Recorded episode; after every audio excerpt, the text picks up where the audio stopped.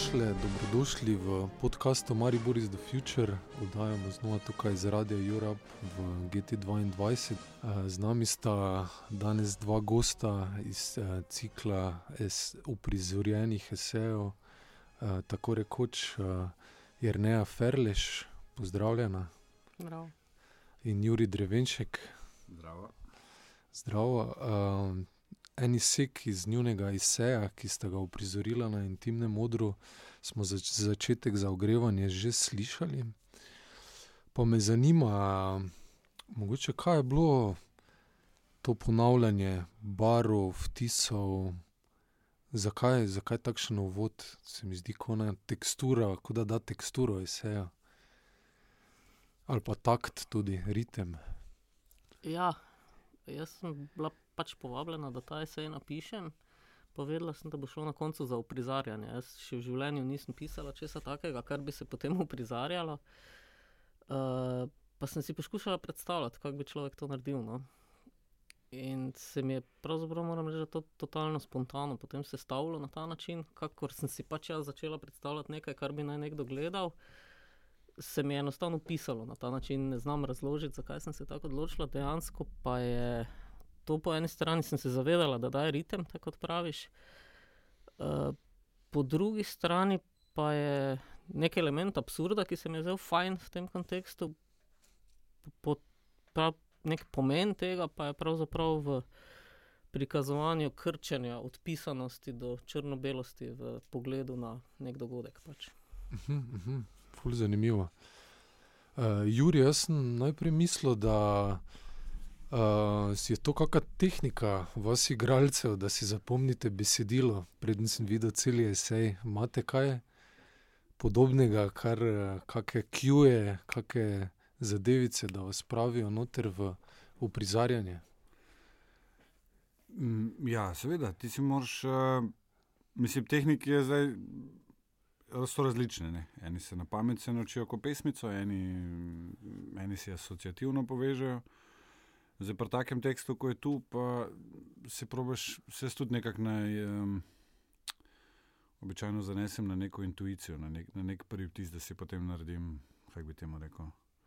Neko aso, asociativno karto, na katero se lahko vedno zanesem. To zdaj vse zveni zelo uh, v oblakih ali pa metafizično, ampak je v resnici na koncu čisto zelo konkretno. No. Um, recimo, vem, da se nekje premaknem in običajno do tam povem en del teksta in pol se drugega, tako da si pomagaš s takimi zadevami. Ja. Ampak pri takih zadevah, kot so pa barve, barve kot si jih na začetku omenil, to pa je. Um, takrat pa si bolj pomagaš z nekimi asociacijami. No. Mislim, mm. sej, uh, toliko, ko je meni jasno, je potem običajno tudi publiki. Pa ni nujno, da je treba vedno uh, vsem vse razložiti. Ja, seveda. Um, to je tudi čar ne, tega cikla, da vsak odhaja z nekimi podobami. Uh, In pa mislim, da tudi poanta ne, vajnega uh, eseja, malo, da vsak odhaja za svojo razlago tega, kar je videl in slišal. Pa si dajmo za, en, za, za začetek, uh, oziroma nadaljevanje, uh, pogled, pogledati prvo sliko iz vajnega eseja, pa se potem znova predstavimo v studio. Prva slika. Prva slika. Okay.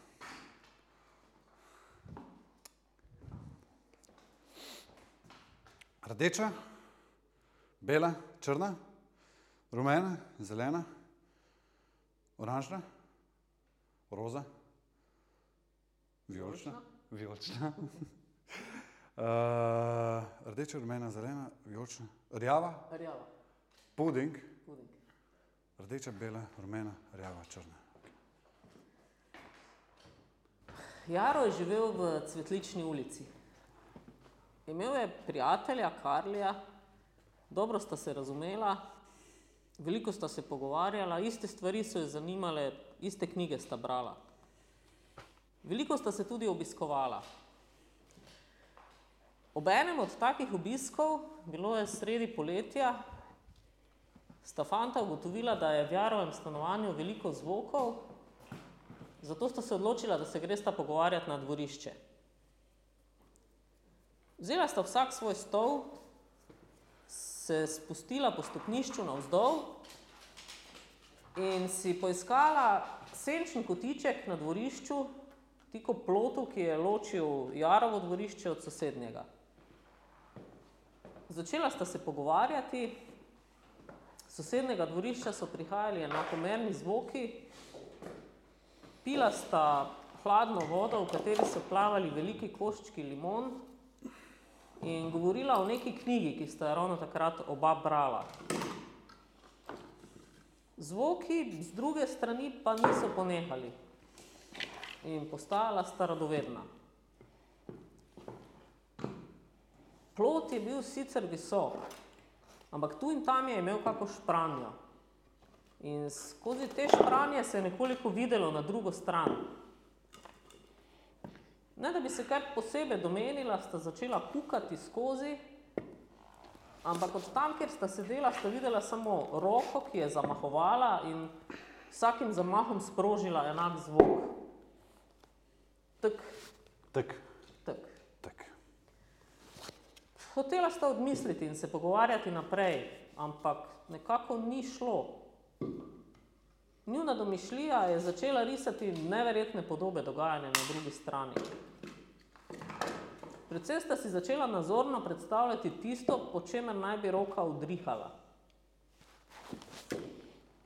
Ti, Jaro? Hm. Čigava je ta hiša?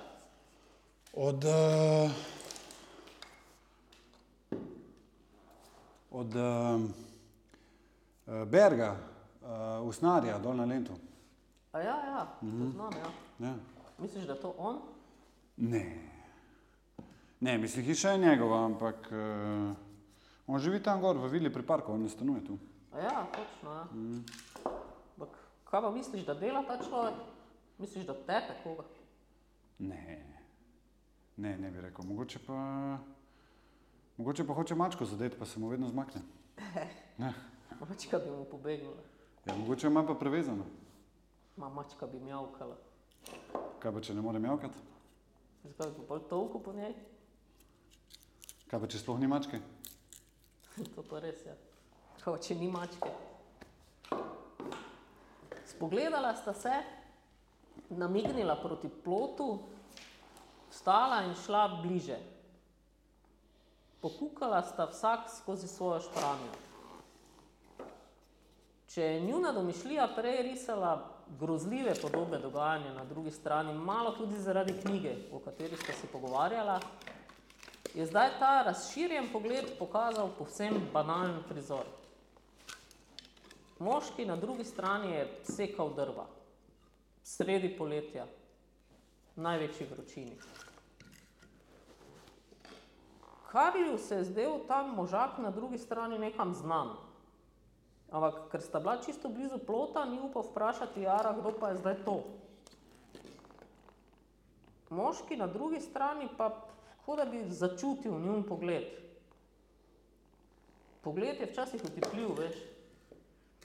Se je zravnal, pogledal v njuno smer in čakal. Fanta sta odrevenela.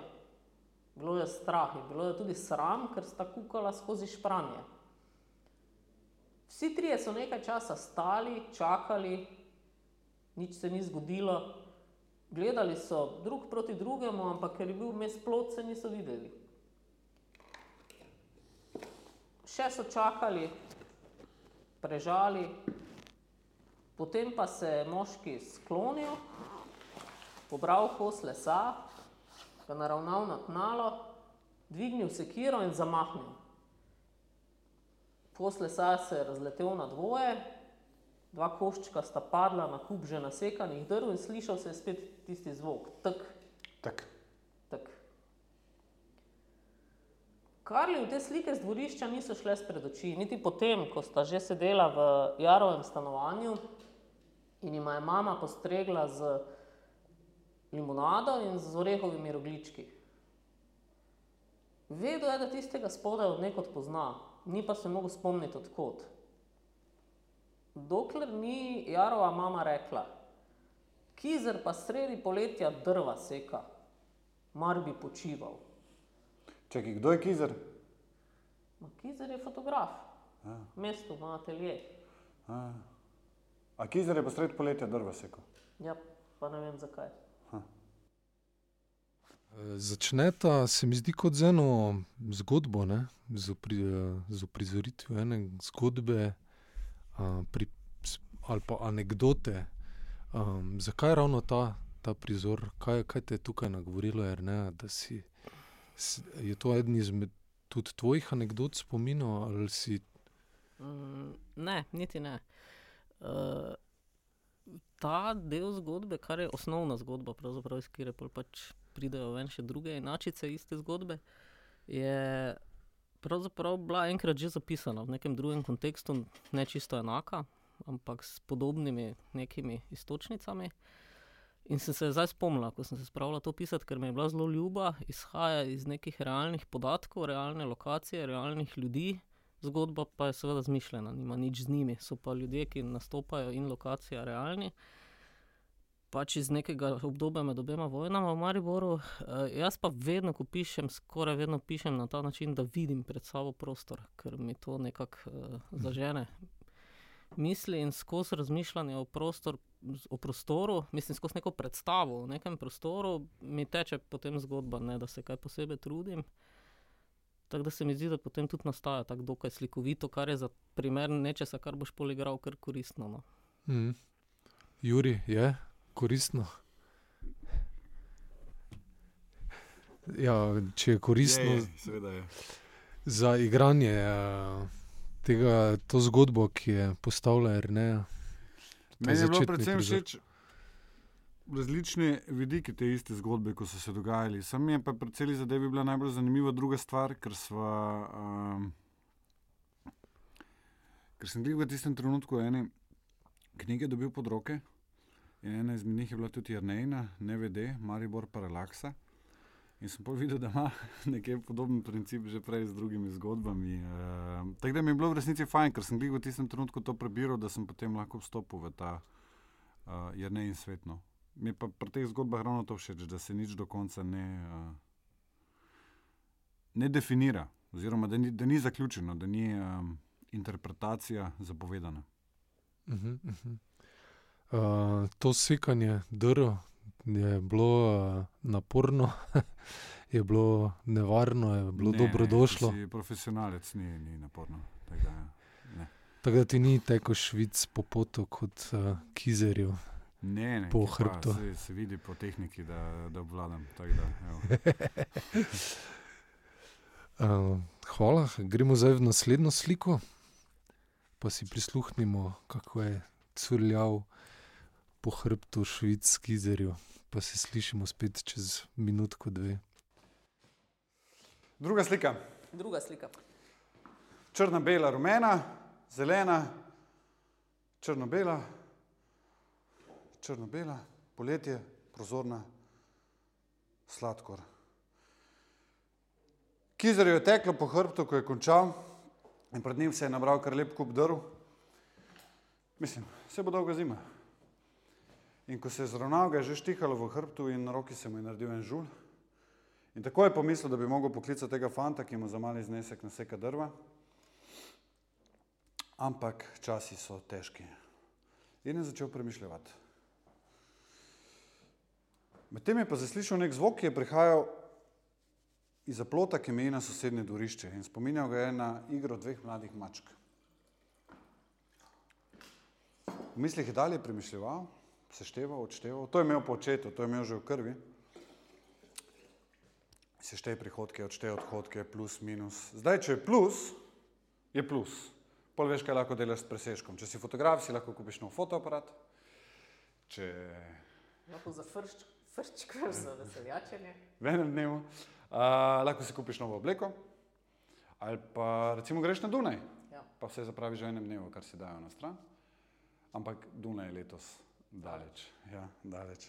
To je, če je plus. Zdaj, če pa je minus, pol je pa druga zgodba. Tisto je pa čist drugače. Zdaj, če pa je minus, je pa minus. Takrat pa pogledaš svoje izdatke in odšteješ tisto, kar bi najrajši, najlažje pogrešal. In številka na dnu njegovih poslovnih knjig je bila tokrat obarvana Rdeč. rdeča. Ni bila bela, ni bila črna, ampak je bila rdeča. Ljudi, ki so prihajali v atelje, je bilo vedno manj, pač tudi oni si vse teže privoščijo osnovne stvari, pač prioritete imajo ljudje takšne, kot jih imajo.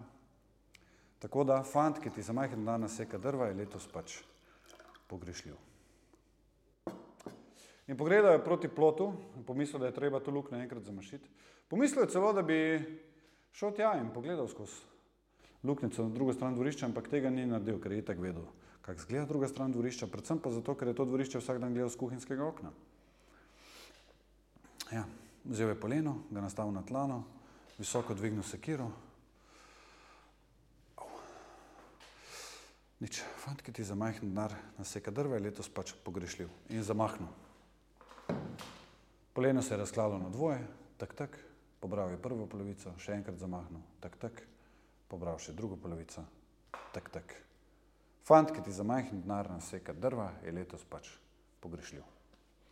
Dunaj je letos daleč. Dunaj je letos zelo daleč. Um, ja, zdaj ta druga slika. Uh, druga slika v bistvu spremeni perspektivo in lahko vidimo čisto isto zgodbo iz vidika človeka, ki je bil prej opazovan. Um, koliko sta razmišljala pri tem o tej menjavi perspektiv, o različnih gledanjih na isto uprizoritev, če rečemo temu tako, ker uprizarjamo iz seje, ampak tudi na koncu uprizarjamo življenje ne, pred drugimi. Ja, jaz, ko sem pisala, sem seveda si tako predstavljala vedno znova isti prizor, ki ga zaznava nekdo drug. No.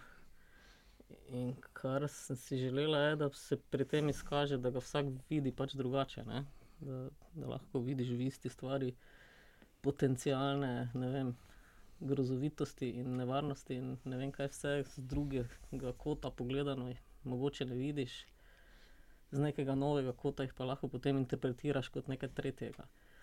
In tako kot je rekel Juri, no, fajn je, mislim, moj namen je tudi, da interpretacija ni dokončna, ampak da, je, da samo pokaže na to, da je interpretacija lahko še pa še eno. Mm. Drugače pa, ja, seveda, odigravamo življenje, po eni strani, kaj pa drugega. Um, kdo, je, kdo je Kizer, tukaj ga spoznamo v tej drugi sliki?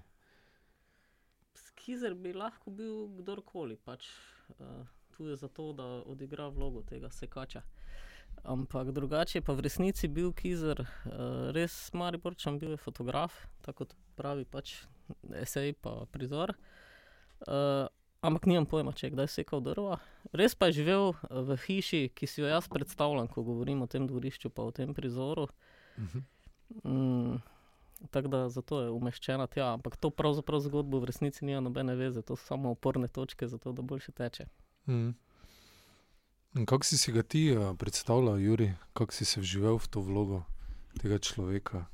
Si, mislim, da tukaj ni bil zdaj, um, namen se vživljati v vlogo tega človeka. Bolj se mi zdi, da je bil namen prikazati zgodbo z njegove perspektive. Mislim, da zdaj njegovo čustveno stanje ali pa tukaj dejansko ni pomembno. Um, meni je bilo, mislim, bolj zanimivo mi je bilo to, ko si na začetku vprašal, kako smo se odločili za menjavanje in za uprizarjanje. V resnici, tekom vaj, ki smo jih imeli, smo zelo organsko prišli do nekih zadev. No. Skupaj smo se odločili, zakaj bi um, recimo jaz ta del prevzel ali pa ne, ali pa, pa, pa smo pol čist probavali. Do teh menjav, mislim, da bi zdaj rekel, da so bile striktno neke razumske ali pa kaj zdaj hočemo s tem. Ne, je bilo bolj poslušanje sam nekega občutka. Zakaj? Ampak ja, v tem primeru pa ni, je pa. Mm, Tako je ne rekla, kizer je, kizer je, kizer je vsakno. Tako da bolje je važno tista situacija, v kateri mi njega v narekovajih zalotimo, kot pa kdo točno je on. Mm. Um, ja, poglejmo si to, oziroma poslušajmo si to situacijo še iz um, tretje perspektive, um, iz perspektive matere, Ka Karljeve ali Jarove. Jarove. Jarove ne?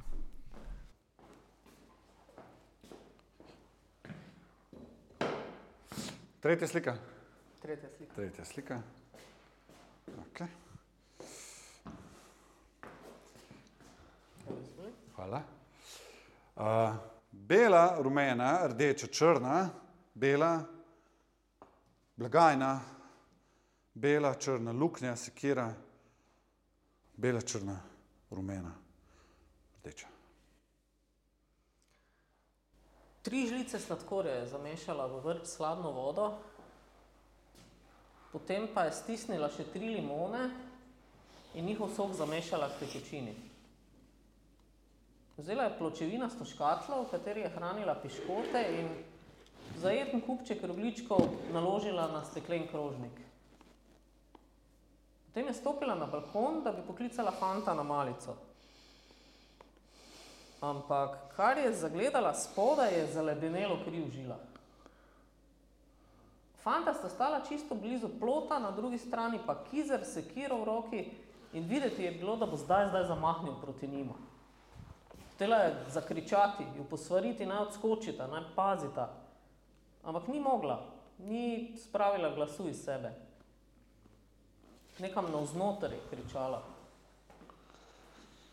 Medtem pa se je kizer spodaj na dvorišču sklonil, pobral kos lesa, ga naravnal na tnalo in zamahnil sekiro. Zdelo se je, da sliši oddaleč tak tihem, tak, tak.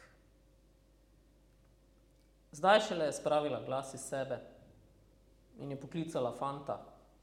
Jaro, Karli, pridita na malico, kaj vam ni nič vroče. Fanta sta pogledala proti njej, se je nasmejala in ji pomahala. Ampak njo je pa presenetilo, da je k njej pogledal tudi Kizer in tudi on se je prijazno nasmejal in pomahal. Zdaj tukaj vidimo pa v bistvu nekoga tretjega, ki opazuje situacijo, oziroma slišimo od zunaj, ki ni vpleten direktno v dogodek. Zdaj, mogoče je to tudi povezano, si tukaj, mogoče si ti, Jerneja, najbolj poistovetila s tem likom, ker ti tudi tvoje delo je znanstveno, si nekdo tretji, ki opazuje situacijo, če rečemo iz neke distance in gleda, kaj se dogaja, in pol ocenjuješ iz različnih virov, kako se je ta situacija odvila, ne. To si zanimivo povezal, ja, ampak nisem niti pomislila na to, je pa dobra razlaga mogoče, ja. Drugače se ne, nič kaj posebej ne istovetim z nobeno perspektivo, niti s to žensko ne, no. Ampak je pa tu bila poanta ravno to, ja, neki pogled od zgoraj navzdol, ki vidi nekaj drugega, kot vidi tisti, ki je spodaj pa gleda od blizu, no. Ta ideja je pa bila, ja. Ja, pa tudi je malo filmski je, ne, tam se mi zdi oni moment, ko ona čaka, da bo on sekiro zamahnil, si lahko, ko da gledamo, jaz si ga lahko v bistvu predstavljam ko na platnu, tako rekoč. No, pol je uspelo to, kar pravim, da delam, da si predstavljam prostor za to, da da je predstava lahko slikovita, no. Zdaj tukaj v razlagi te komentarje smo dobili tudi po eseju ne, polena, ne vem, ali so polena pod, pod noge ali si polena za pogreti, dušo po eseju in telo. pišeš, da najbrž ni nikogar, ki bi se spominjal preteklega dogodka in bi se pred tem zavedal procesa samokalibracije, torej proces, ki se neizbežno dogaja, medtem ko se spominjamo, ne. nam mogoče malo več o tem pojmu poveš, kako gledaš na spomine in oblikovanje spominov in spominjanje spominov, ne. To je pa nekaj, kar me tako ob teh različnih pogledih na isto stvar, kar me vedno fascinira, no, me tudi to fascinira, to razmišljanje o spominjanju. Oziroma me je to pravzaprav nekako doletelo, ko sem brala veliko spominov, pa prišla do takih, ki se že dotikajo časov, ki sem jih tudi jaz izkusila. In se tam potem nekako zaveš, da se je zgodilo kaj mogoče res točno tako pa kaj mogoče malo drugače z mojim spominom gledano. In potem sem začela v spominu pravzaprav malo brati, malo razmišljati o tem tudi in je dejansko zanimivo to, da mislim, noben spomin pravzaprav ni ponovitev dogodka, ampak je novo dogajanje nečesa, kar vsebuje neke podatke iz nekega dogodka, ki se je zgodil, ampak predvsem pa vsebuje tudi elemente tistega procesa, ki je tekel do tistega trenutka, ko spomin obnavljaš. Mm. Vedno si pa takrat uh, res dobesedno prekalibriran v neke nove razmere, v nekaj, kar si dal vmes skozi, pa nekaj, kar je v tistem trenutku pač neka veljavna vrednota ali pa nek veljaven pogled, ki ni nujno enak, kot je bil neko obdobje nazaj. Ne. In skozi to pravzaprav obujaš spomin, pa sam ponavadi ne veš, da, ga, da si kako stvar opustil, ker ti ne paše v tvoje trenutno neko stanje oziroma način razmišljanja ali pa v neko družbeno klimo, mogoče celo več ne paše, pa ga zato spustiš iz spomina, ne nalašč, ampak v sili razmerno. Mm. Uh, spominjanje je res ena tako zanimiva stvar. No? Zato sem hotel tu vključiti tudi en tak, sicer zelo, zelo kratek, ampak vseeno meni je zanimiv ta del, kjer se vidi, da spomin lahko tudi stvar interpretira z nekim razlogom, potem drugače, kot se je zgodila, pač no, lasten spomin. Mm. Uh, jaz so polena, ena ta simbolika tudi spomina, v, v kakem smislu? Mm, ni bilo uh, mišljeno tako mogoče bolj spada v del absurda ali pa kaj, ali pa tudi na ključja, no, da smo prišli do neke take rešitve. Ne, jaz poleni nisem imela čist nekega zelo povednega mhm. namena. Se mi pa zdi, da se lepo ujame. Če bi pa že zbirala med tem, ali je poleno pod noge, ali je poleno za gred, bi pa za gred zbrala. Ja, spomini nas grejejo. Recimo. ja, v dobrem ali slabem. ja. uh, Juri, mogoče še tu um, spominjanje je tudi neizbežen del ne, dela igralcev. Kako vi izvajate to samo kalibracijo, ko se pripravljate na vlogo, pa vsaka uprizoritev je v bistvu ti bi jo naj zaigral, oziroma tako si kot gledalci predstavljamo, vedno isto, ne, vlogo, ampak ti si vsakič kot igralec v, ali oseba v drugem stanju. Kako kak to zgleda? Kako se predstavljaš med temi stanji, kako kak presežeš to mogoče pretirano samo kalibracijo. Kaj ti si zdaj dal 20 vprašanj, eno vprašanje? Uh, ja, pardon, ne, se ni problema. Uh, mislim, glede spominjanja samega, pa priprav, pa, pa črtanja iz spomina, ven, potem že preteklih zadev je že, že nehvaležno mi odgovarjati na take stvari, tega, ker se mi zdi, da kdorkoli, um, kdorkoli drug bi to sedel, ki se s tem ukvarja, bi drugače povedal. Tako da nekega definitivnega odgovora ni, jaz lahko rečem sam za sebe. Jaz konkretno nimam problema s tem, da pozabim hitro stvari, nekakih. Pač zbrišem ven z glave. No. Um, ni da so tu neke posebne tehnike. Uh, pač nehaš se ukvarjati s tem. Okay pač kot nek projekt, ki ga odkljukaš in gremo naprej dalje. Um, zdaj drugače pa, ja, um, valjda se, valjda se um, potrudiš, pa delaš na tem, da bi izgledalo, kot da je vsakič znova prvič ali pa isto. Ampak si konec koncev sem človek, tako da tudi eh, ti to ne nujno vedno uspe čeprav stremiš k temu, ampak tudi ni nujno, da vse predstave vedno to zahtevajo, da je vedno isto, ne, uh, kar se tiče nastopanja pred publiko. Tako da ene imajo tudi, um, puščajo to neko polje svobode, da si ti lahko vzameš uh, prostor ali pa si ga ne vzameš. Ne. Mm. Tako da um, tukaj pri tem konkretnem eseju je en, en, izmed teh, uh, en izmed teh nastopov, ko je, ko je to mogoče. Um, Ampak, se gledaj, ne vem, drugače, kako se pa si še vprašal, kako se. Um, kako skačeš iz enega v drugo. Ne vem, vse smo, smo trenirani za to. No. Mislim, ni, ni meni, um, moče se to res. Um, Lajčni javnosti zdi ful bolj zanimivo, ampak verjemi ti, ko si daš gor tisti kostum, pa ko si v tisti situaciji, ki jo tisti dogodek predstavlja, performance, karkoli pač zahteva, si sam tam, ne moreš menjati. Da, in, in in, in se to si strenira na ta način. No. Da, ja. um, mm. Ni zdaj, mogoče sem že malo predolgo v tem. Uh, in mi v tem smislu to ni več tako vznemirljivo. Zdaj, v, uh, v smislu, joj, le kako se to zgodi, da, da, mi, da mi je to nek normalen proces ratov Mm. v tem, ki ga, ki ga pač moš. Ampak ja, glej, sej ne vem. Imáš pa po druge igralce, ko si pa vse zapomnijo zavedno, no? pa ti dva, čez 20 let recitiraš še neke tekste, ki so jih imeli, jaz, uh, jaz nisem en izmed teh. No? Ampak uh, ne vem. Mm. Vsak, vsak ima svoj način, no? tako da v resnici ni, ni, ni univerzalnega odgovora na to. Zdaj sem ti povedal vse, pa nič. Hvala Bogu. Puščamo odprto.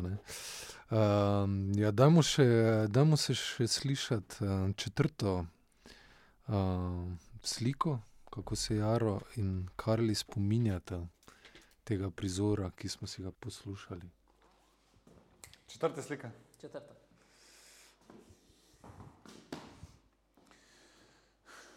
Črno-bela, črno-siva, rumena, zelena, poletje, puding, drvarnica. Karl, se spomniš, ko so bila mala in je bila kriza in noben ni mogel nikamor in smo se mi tisto poletje prva združili na dvorišču. Uh -huh. In se spomniš, ko smo mi dva eno popovdne gledali skozi luknjo v plotu in je stari kizer zaradi tega proti nama zamahnil sekiro. Ja, spomnim. Ja. Kizer je bil čudak. Uh -huh. Vedno me je bilo strah, že v ateljeju, ko je s kamero meril proti meni. Uh -huh. To tu na dvorišču je bilo pa srhljivo. Ne govori. Ja. Veš, da mi je mama rekla, da ga potem nikoli ni več videla. Sploh ne? Ne. Čudno. Peta slika. Peta.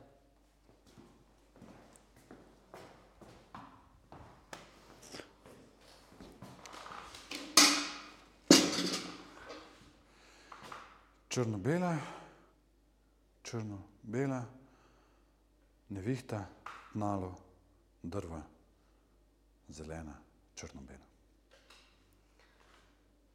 Kizer je imel za svoje početje svoje razloge. Kdo bi brez slabih namenov, brez političnega ozadja, sredi poletja sekal drva?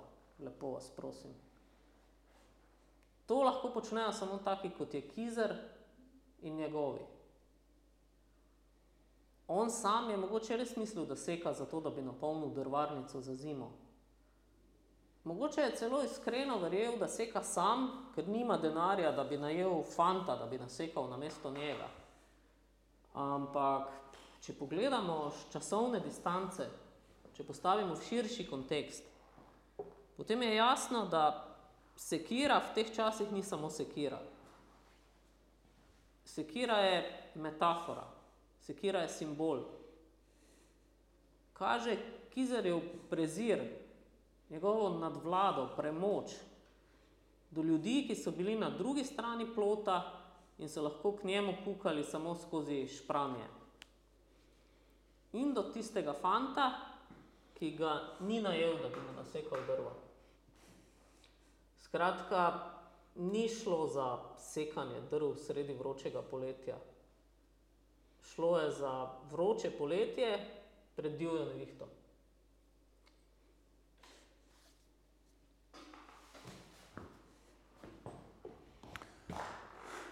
Črno-bela. Ja. Vklopiš centralno, mene zebe, Zebete. zebe. Zdaj tukaj um, ta prizor se mi zdi, kot da se zlije, postane nam jasno, zakaj je tudi fotoaparat na odru. Ne? Vidimo, slike nastajajo, ampak vidimo, dejansko nastajajo fizično na polaroidu. Um, in da torej nek zunanji okvir nas določa tudi ne, pri spominjanju in kako se spomin oblikuje in v kaj, uh, v kaj se nam uh, vtisne v nas samih. Um, kakšna je ta mogoče tudi manipulacija s tem medijem spomina, ali je s podobo ali z besedo, kakšna je mogoče tudi razlika? ne vem. Ja, zdaj, da razmislek pri tem zadnjem prizoru je pa bil kar nek moj močen motiv, ali pa bi lahko rekla skoraj neke sorte jeza ali kaj takega. No. Uh, ker vključuje manipulacijo. Ne? Ker zdaj eno je spominjanje, ki se spremenja pač zaradi tega, ker je to proces takšen, da človek pač časoma nezavedno spremenja tisto, kar je doživel, uh, drug proces pa je zavestno manipuliranje in spreminjanje dogodkov, pa spominov, zato da dosežeš pač neko agendo. Ne? Uh, zdaj, ta postopek v življenju. To je sicer zgodba o preteklosti, ampak hkrati je seveda zgodba o sodobnosti. Ne? Ta proces pač gledamo kar naprej na vseh koncih, se mi zdi, uh, in iz neke, ne vem, moje averzije do tega, no, pravzaprav sem v tem zadnjem prizoru. Uh, Hotla sem ga pravzaprav dokaj cinično no, napisati, ne vem, če ga pol tako izvajamo ali ga ne na ta način, ampak uh, mišljenje neke vrste kot posmeh temu, da interpretacija lahko zmanipulira uh, namerno stvari, zavestno, kar je drugače od vseh tistih predhodnih pogledov, ki se pač dogajajo zaradi različnih perspektiv. Ta zadnji je drugačen zaradi namere, da bi bil drugačen. Mhm, Tak je mhm. mišljeno. Zato tudi še dodaten glas uh, interpreta. Ja, interpret pač je tu interpret za agendo. Ne? Ja, ja, ja seveda. Mm. Ampak kaka pa, je vajen pogled, zakaj zamahuje ta kizerjeva sekira, kako sta si videla, uprizorila to zgodbo na koncu? Se, sta se v kateri pogled bolj vživela, ali kak, kak sta si predstavljala to sekiro za, ma, za te sekire? Jaz sicer ne vem, kaj se dogaja, ne? to ve samo tisti, ki zamahuje. Ne? Ampak, eh, kar se mene tiče, pač vse kadrva, ne? ker jih rabi po zimi. Ti, Juri, imaš kak drugačen pogled, kak si si ga ti predstavljal? Ma Ne, jaz, to, kar sem že prej rekel, meni se zdi, da nobena interpretacija ni, ni, ni glavna. Ali pa da, da je glih to čar tega. No. Se sta ob- oba prej rekla v nekem filmskem smislu, kako je spominja na eno kratko zgodbo. In se mi pač zdi, da je, da je glih to prednost vsega tega, da ima, da ima več gledišč, no. da, ni, da ni zoženo samo na pravi pomen ne. Ali pa predpisan. To, je, da ja, to, to se mi zdi prednost. Ja, kakšen je pa tvoj, vse ne rabi biti pravi, ampak kjer, katerim si, si ti najbolj ali katerega si, si ti najbolj ustvaril ali se poistovetil z njim. kaj, v resnici ali- nočem zbirati. Uh, Nočeš? Ker, ne, ker vsakega razumem in, in vsak z njegovega vidika. Tako da in, in ne morem zbirati, ker imajo različno kvaliteto. Mhm. In, in mislim, da niso zato tam postavljeni vseh pet gledišč, zato da bi bil en več vreden, en pa manj. Ni, tudi mislim, da to ni njihov namen. Pa, tako da uh, nimam odgovora. Mhm, okay. Je zdaj mogoče, ker smo odprli to vprašanje, ampak smo tudi, uh, si rekla, ne, v času, kjer so močne tendence, da se skuša zgodovino na novo interpretirati. Ne. Sicer dobro poznamo ta rek, zgodovino pišejo zmagovalci. Ne. Ampak se mi zdi, da dan danes pa res um, postaja tako relativno vse, da so neka gledišča, ki tudi z zgodovinskega vidika so jasno sporna, dobivajo neki glas, ki ga ne bi smela. Um, kaj gledate na ta proces, je moče tudi to ta sekira, ki nas secka, da nimamo več o, oprijema znotraj časa, ki nam pozi skozi prste, skozi spomine naše družbe in to, kaj smo. Ja, seveda, na nek način vse to, kar si rekel. Uh, jaz sem hotel pravzaprav samo povedati, kako enostavno je to narediti. No? Kako malo je treba, da nekaj, kar ima neko konotacijo, preobrneš v nekaj, kar ima drugo konotacijo. No? Mm. Uh, zdaj, na tem primeru pač okrog sekanja drv, ampak to se da narediti s čimerkoli in se z marsičem pač tudi dejansko počne. Ne. Pa nisem mislila pravzaprav niti samo na neko družbeno situacijo, seveda tudi ne, uh, ampak pravzaprav čist na osebni ravni pravzaprav. se mi zdi, živimo to. Uh, pač neko možnost manipuliranja oziroma obračanja konotacij, ki potem pač sprožajo svoje posledice. No. Tu gre za en mini prizorček, no, ampak pravzaprav je v ozadju razmišljanje o tem, ki ga zdaj tudi pravzaprav nočem presojati vrednostno. Hočem samo povedati, kako hitro se to da narediti. Mm, mm. Jaz sem si tudi da, to sekiro ne, kot metaforo, kot se zaključi, predstavljal tudi kot uh, sekiro časa, kot časa, ki nas secka ali pa cepi, uh, ne, kot cepimo drva, ki pač neusmiljeno toče in zahteva svoje. Ne.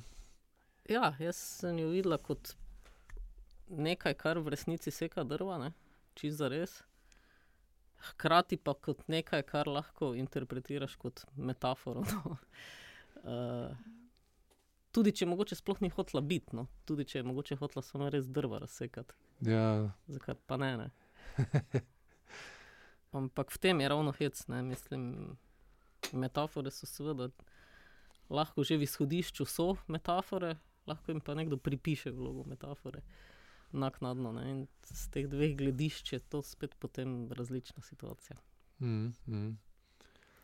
Um, za Juri, kako ti mogoče to delaš kot igralec, ki uprizarja te besede, koliko ti čutiš te metafore, oziroma koliko jih upodobiš potem na, na odru svojim telesom, glasom, stasom. Um, Vse je, je tako je ne rekla. Ne, sej, um, ene stvari, prvo, pač ta zgodba je pisana v preteklosti, ampak se neposredno dotika sedanjosti. Mislim, itak se, uh, doskrat se zgodi, da lažje pol ene stvari preko nekih preteklih dogodkov tolmačimo. Uh, Za danes, ali pa preko njih spostavljamo to neko distanco, pa so nam mogoče malo bolj jasni.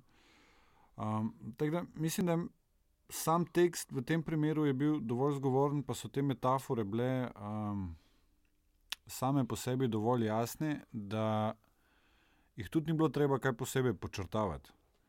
Um, ker včasih, da zdaj daješ na tekst še nekaj gor in, in probiš vse to ali počrtati ali pa, ali pa prenesti, ni nujno vedno dobro. Včasih je mogoče treba pustiti tekstu sam, da, da sam zazveni, da, oziroma da vsebina pride ven. Ne. Mm.